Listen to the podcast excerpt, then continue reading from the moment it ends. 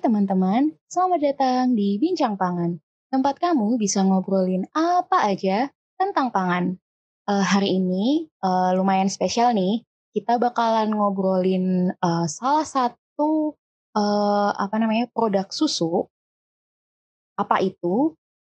Kita kenalan dulu nih sama salah satu bintang tamu kita, yaitu yang bernama Mas eh, Muhammad Arifin atau biasa dipanggil dengan Mas Ipin ya, betul ya?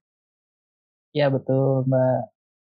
Oke, eh, sebelum kita ngobrolin nih, eh, Mas Ipin boleh kenalan dulu nggak sih? Boleh. Ya, perkenalkan ya nama lengkap Muhammad Arifin. Teman-teman ada yang manggil Arifin atau Ipin. Sibukan sekarang jalanin bisnis aja di pengolahan susu yaitu yogurt dengan brand Delicious Yogurt. Kita lokasinya ada di Bogor. Eh, jadi eh, teman-teman, eh, Mas Ipin ini lulusan dari IPB juga ya, Mas, jurusan Kalau S1-nya di produksi dan teknologi peternakan, kemudian ambil S2-nya fokus di teknologi hasil ternak. Jadi memang yang ngolah-ngolah susu, daging itu dipelajarin tuh pas S2. Makanya terinspirasi bisnisnya juga dari situ. Oke. Eh, jadi eh, bisnis yang lagi dikerjain sekarang yang eh, dengan nama Dairisius ini itu adalah produk olahan susu gitu ya, Mas ya. Eh, nah, kalau olahan susu yang yogurt ini itu tuh eh, apa namanya eh, bisa di sudah bisa diperoleh di Jabodetabek. Terus di mana lagi nih, Mas? Riau, di Dumai, di Medan. Terus kalau di Sumatera di Lampung ada. Kemudian di Palembang itu untuk area Sumatera. Kalau di Pulau Jawanya ya Jabodetabek, Bandung sama Surabaya. Hmm. Kemudian di Kalimantan ada Samarinda dan Banjarmasin. Dan satu lagi ada di Bali. Nah Oh. kita kerjasama dengan retail, retail farmer market sama ranch market. Dan satu lagi ada Grand Latte. Tapi kalau yang di dalam di di Jabodetabek itu sudah alhamdulillah sudah beberapa retail yang kita kerjasama. Oke, mungkin kalau misalkan teman-teman penasaran nih eh, di kotanya teman-teman eh, bisa didapatkan produk Dairisius ini di mana aja. Mungkin tadi yang udah disebutin sama Mas Ipin, mungkin bisa cek di Instagramnya Dairisius ya. Instagramnya apa Mas kalau boleh tahu? Oh ya, Instagram official kita itu @dairisius.id. Oke, eh, nanti aku bakalan taruh di description ya teman-teman, jadi bisa cek langsung ke eh, Instagramnya. Eh, ngomong-ngomong soal yogurt nih, eh, di antara beberapa olahan produk susu, jadi misal kayak ada keju, kemudian es krim, kemudian ada kefir juga. Kenapa sih Mas Ipin ini memilih yogurt sendiri? Nah, kenapa yogurt? Sebenarnya yogurt ini kan udah familiar. Awalnya kita fokus memang produk olahan susu fermentasi. Juga sebenarnya ada kefir gitu. Cuman karena kefir ini butuh sharing knowledge juga se customer gitu dan ternyata memang agak sulit ya kita ngasih produk knowledge ke customer. Ini sebenarnya kefir ini apa sih gitu. Ya udah kita fokus di yogurt aja nih. Dan lagi pula kan manfaat yogurt juga banyak ya. Ya wis lah kita bismillah dari yogurt dulu nih nanti perlahan mungkin juga akan kita gitu kefirnya gitu. Hmm, hmm. Kayak gitu Kalau- sih Mbak Fir awalnya. Kalau aku sendiri nih, eh, dua-duanya nih, aku juga penikmat yogurt, juga penikmat kefir nih sebenarnya. Oh iya, Ngomongin eh, soal yogurt, bisa dijelasin nggak sih Mas Ipin eh, proses pembuatan yogurt ini secara prinsipnya itu seperti apa sih prinsip pengolahannya? Mungkin buat teman-teman ada yang pingin tahu nih. Kita kan selama ini cuma tahu, oh ya yogurt adalah produk fermentasi susu. Tapi fermentasinya seperti apa sih kalau boleh dijelasin secara singkat aja? Iya bener banget. Yogurt ini kan produk olahan susu fermentasi ya. Jadi pada kerja suatu mikroorganisme yang kita kenal dengan bakteri asam laktat. Untuk bakteri asam laktat sendiri, spesifik nih untuk yogurt, yaitu STLB singkatannya. ST itu Streptococcus thermophilus, Mhm. sama LB itu Lactobacillus bulgaricus. Dua bakteri ini bekerja sinergi positif nih, saling support satu sama lain ketika memfermentasi laktosa dalam susu. Hmm. Yang kita ketahui laktosa itu adalah sumber energi bakteri tuh. Nanti dia cerna itu laktosanya dan menghasilkan yang namanya asam laktat dalam proses fermentasi. Makanya asam laktat itu menyebabkan rasa asam di produk yogurt. Itu karena dari hasil kerja bakteri tersebut. Nah, yogurt yang baik itu ketika setelah selesai fermentasi, sebenarnya bakterinya masih hidup gitu.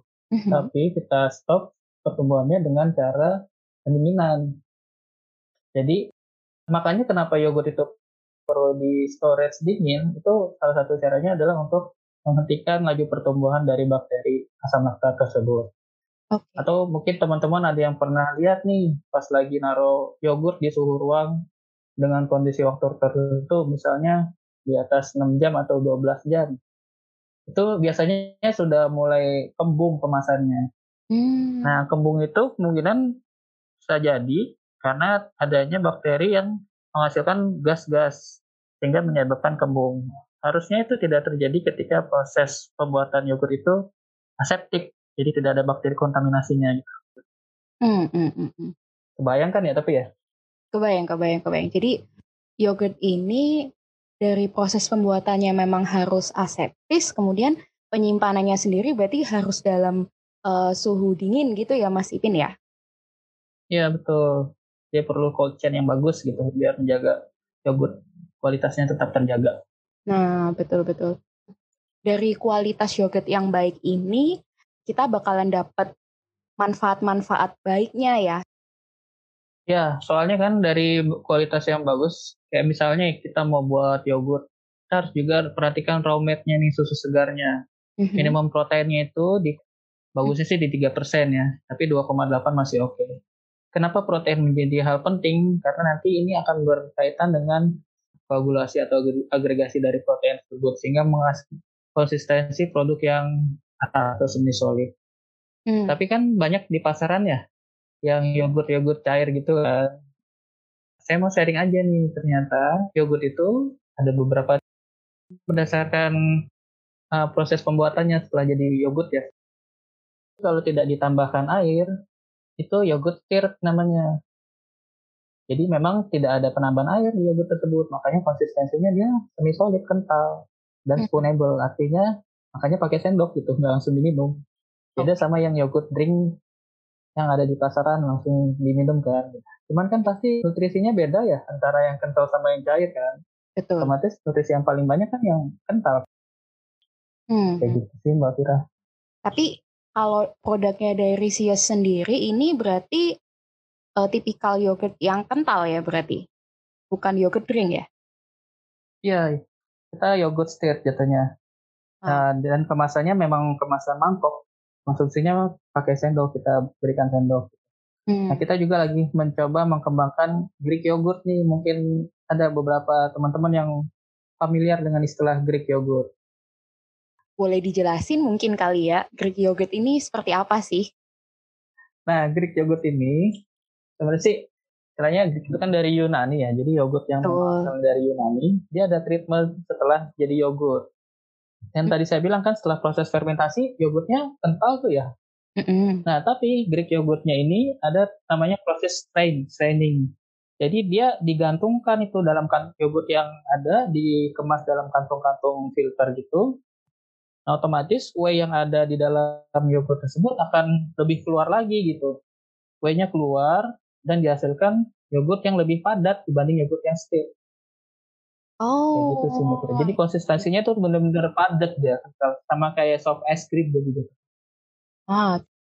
Otomatis kan nutrisinya jadi lebih tinggi lagi ya, proteinnya lebih tinggi lagi, hmm. dan makro-makro makro protein vitaminnya juga bisa lebih banyak lagi dibanding hmm. yang yogurt biasa. Cuman kan memang dalam proses pembuatannya itu harus dijaga betul-betul ya ketika kita melakukan proses trainingnya itu harus aseptik, Hmm. Dan juga memang peralatannya itu emang harus steril gitu. Jadi otomatis dalam proses pembuatannya yang agak sedikit lebih kompleks dan butuh waktu yang lebih lama sehingga harganya lebih mahal dibanding yang yogurt pasaran.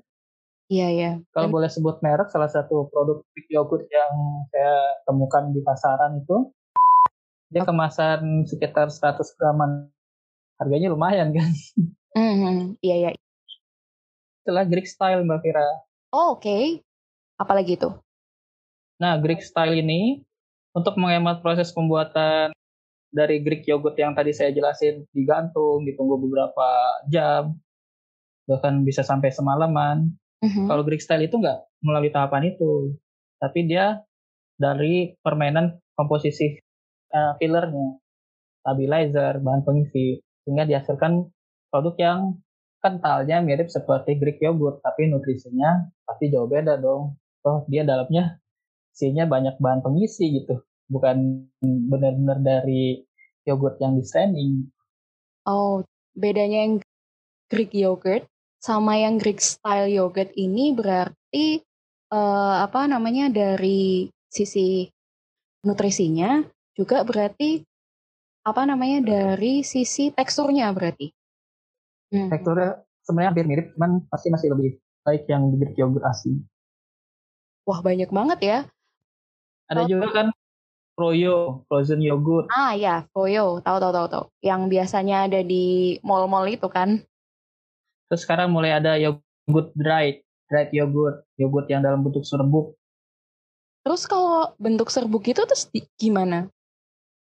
Ya kayak konsumsi susu bubuk aja jadi jatuhnya tinggal ditambahkan air, diaduk, langsung konsumsi. Cuma kan esensi jadi dari yogurtnya bakterinya ah. udah ini ya Ya pasti uh, nggak Dia kan pakai pengeringan spray dry atau freeze dry.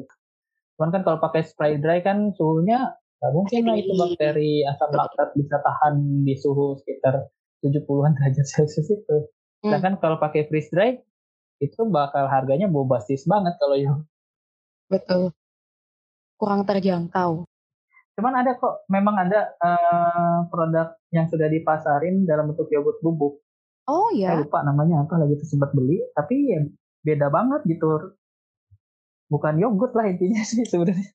Uh, lebih ke kayak susu gitu aja ya? Enggak, dia lebih ke bubur sih Mbak Fira.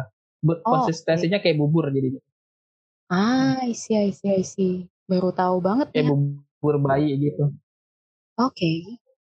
Kalau tadi kita udah ngomongin berbagai macam jenis yogurt dari mulai yang yang skir, uh, Greek, kemudian Greek style, terus kemudian ada frozen dan ada yang model dry.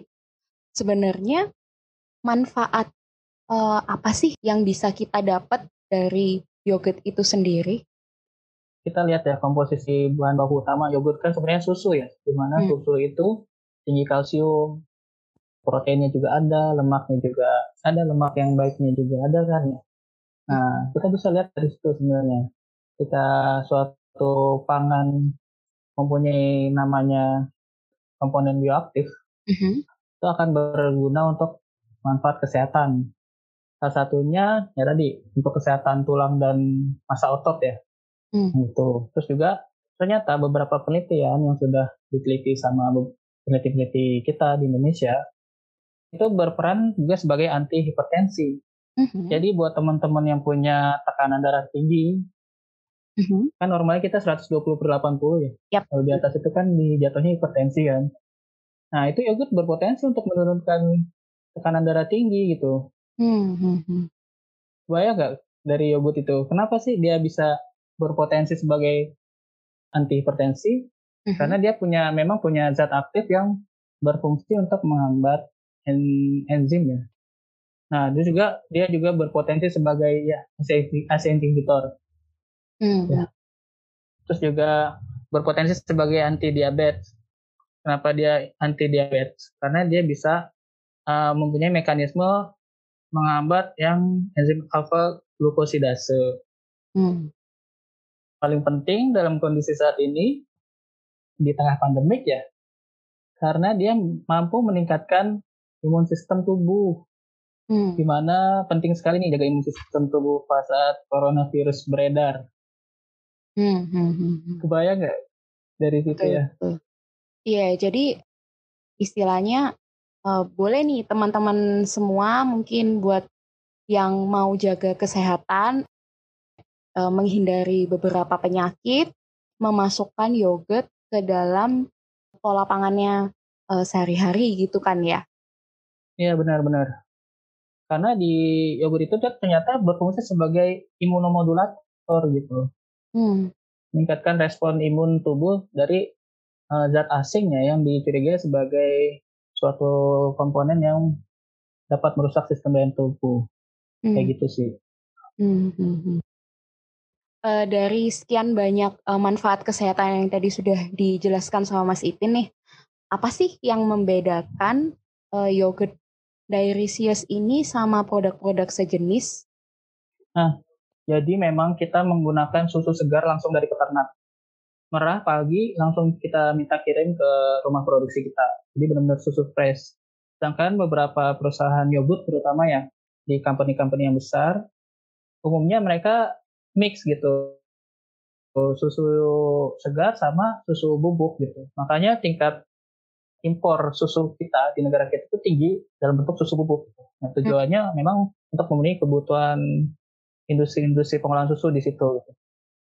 Ya, jadi nggak ada tuh yang namanya susu segar di peternak terus disimpan dulu sehari terus baru besok kita olah nggak ada itu akan menurunkan kualitas setelah hmm. beberapa syarat ketentuan tentang susu segar kayak misalnya proteinnya harus minimal 2,8 persen lemaknya itu minimal tiga persen dan pH-nya itu di 6,8 pH susu normal karena pH itu nanti akan berpengaruh terhadap kualitas susu. Kalau misalnya pH-nya lebih asam atau lebih bas, artinya ada kontaminasi dari bakteri patogen yang mengubah pH normal susu. Kenapa kita mengangkat tagline local farmer? Karena kita pengen ngebantu nih peternak. Kita beli harga dari peternak itu lumayan tinggi dibanding harga koperasi. Biasanya peternak masih ha menjual harga menjual susunya ke koperasi itu di kisaran 4.000 sampai 6.000 per hmm. liter. Bahkan kemarin saya datang ke peternak langsung di saat pandemik ini terbuang gitu aja. Bahkan koperasi cuma menghargai eh, 4.000 doang. Oh. Nah kita beli dari peternak itu harga 7.500. Jadi hmm. selisihnya lumayan buat peternak.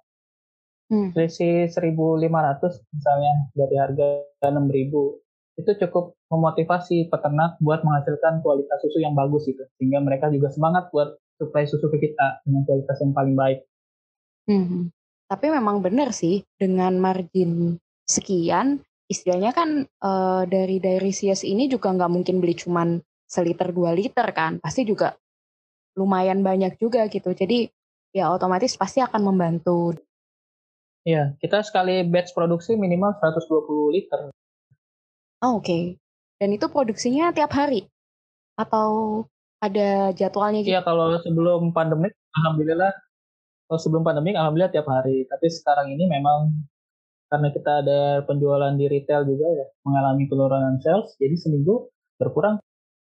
Nah, eh, sebelum kita akhiri nih, mungkin ada nggak sih eh, motivasi berwirausaha di bidang olahan susu dari Mas Ipin sendiri? Sebenarnya motivasi di kuliner itu, terutama di pangan ya, kan semua orang butuh makan ya. Jadi sebenarnya nggak ada habisnya nih kalau kita bisnis bidang pangan. Betul. Cuman gimana kita pintar-pintarnya dalam berinovasi supaya bisa sustain bersaing dengan kompetitor. Dan hmm. motivasi yang terpenting adalah ketika kita jalanin bisnis itu kalau bisa jangan cuma memikirkan keuntungan pribadi atau personal tim gitu. Tapi memang kita kita pikirkan impact sosial yang terbesar gitu. Selama ini kan kita cuma mikir misalnya saya pribadi juga awal-awal juga harus meluruskan niat gitu. Dan cuma memikirkan keuntungan pribadi tapi gimana anak muda zaman sekarang apalagi ya kaum milenial gimana kita bisa kita tuh memiliki impact dampak sosial ke lingkungan sekitar jadi ketika kita motivasinya untuk orang banyak, nah ketika kita mengalami suatu hambatan, cobaan atau kegagalan, kita nggak mudah nyerah. Dibanding kalau kita cuma mikirin diri kita sendiri doang. Hmm. Jadi karena konsep usaha atau wirausaha dari Mas Ipin sendiri ini adalah social planner, jadi memang tidak hanya berfokus pada profit, tapi juga uh, ke dampak sosial untuk uh, masyarakat. Tadi kita udah ngomongin uh, motivasinya untuk wirausaha. Tapi kalau buat uh, calon-calon uh, customer dari Diarysius ini, cara memilih uh, yogurt dan cara menyimpan produk uh, yogurt itu sendiri gimana sih? Oh, kalau milih produk yogurt ya, kalau saya sarankan memang konsumsi produk yogurt yang jenis stir, yang kental. Karena di situ nutrisinya lebih baik atau lebih banyak gitu dibanding uh, produk yang drink yogurt. Sebenarnya nggak masalah sih kalau drink yogurt, tapi konsumsi kan harusnya ibaratnya compare satu mangkok yogurt yang kental itu setara sama tiga atau lima botol yogurt drink. Gitu. Oke. Okay. Terus juga cara nyimpan yang baik itu memang suhu dingin gitu. Di suhu sekitar 4 sampai 10 derajat Celcius. Sebenarnya kalau suhu beku juga bisa, cuma nanti ketika dibukukan terus ditowing ke balik lagi supaya ke semula teksturnya itu nggak bisa, teksturnya bakal pecah. Hmm. Jadi lebih baik dikonsumsinya ya pas lagi beku juga. Jadi kayak kalau dibukuin yogurt yang kental itu jatuhnya kayak hard es krim gitu teksturnya keras. Ah, atau uh, satu lagi bisa di dalam slow freeze. Oke. Okay. Nanti diperoleh uh, yogurt dengan kristal-kristal es tuh yang nggak terlalu besar, jadi lebih lembut.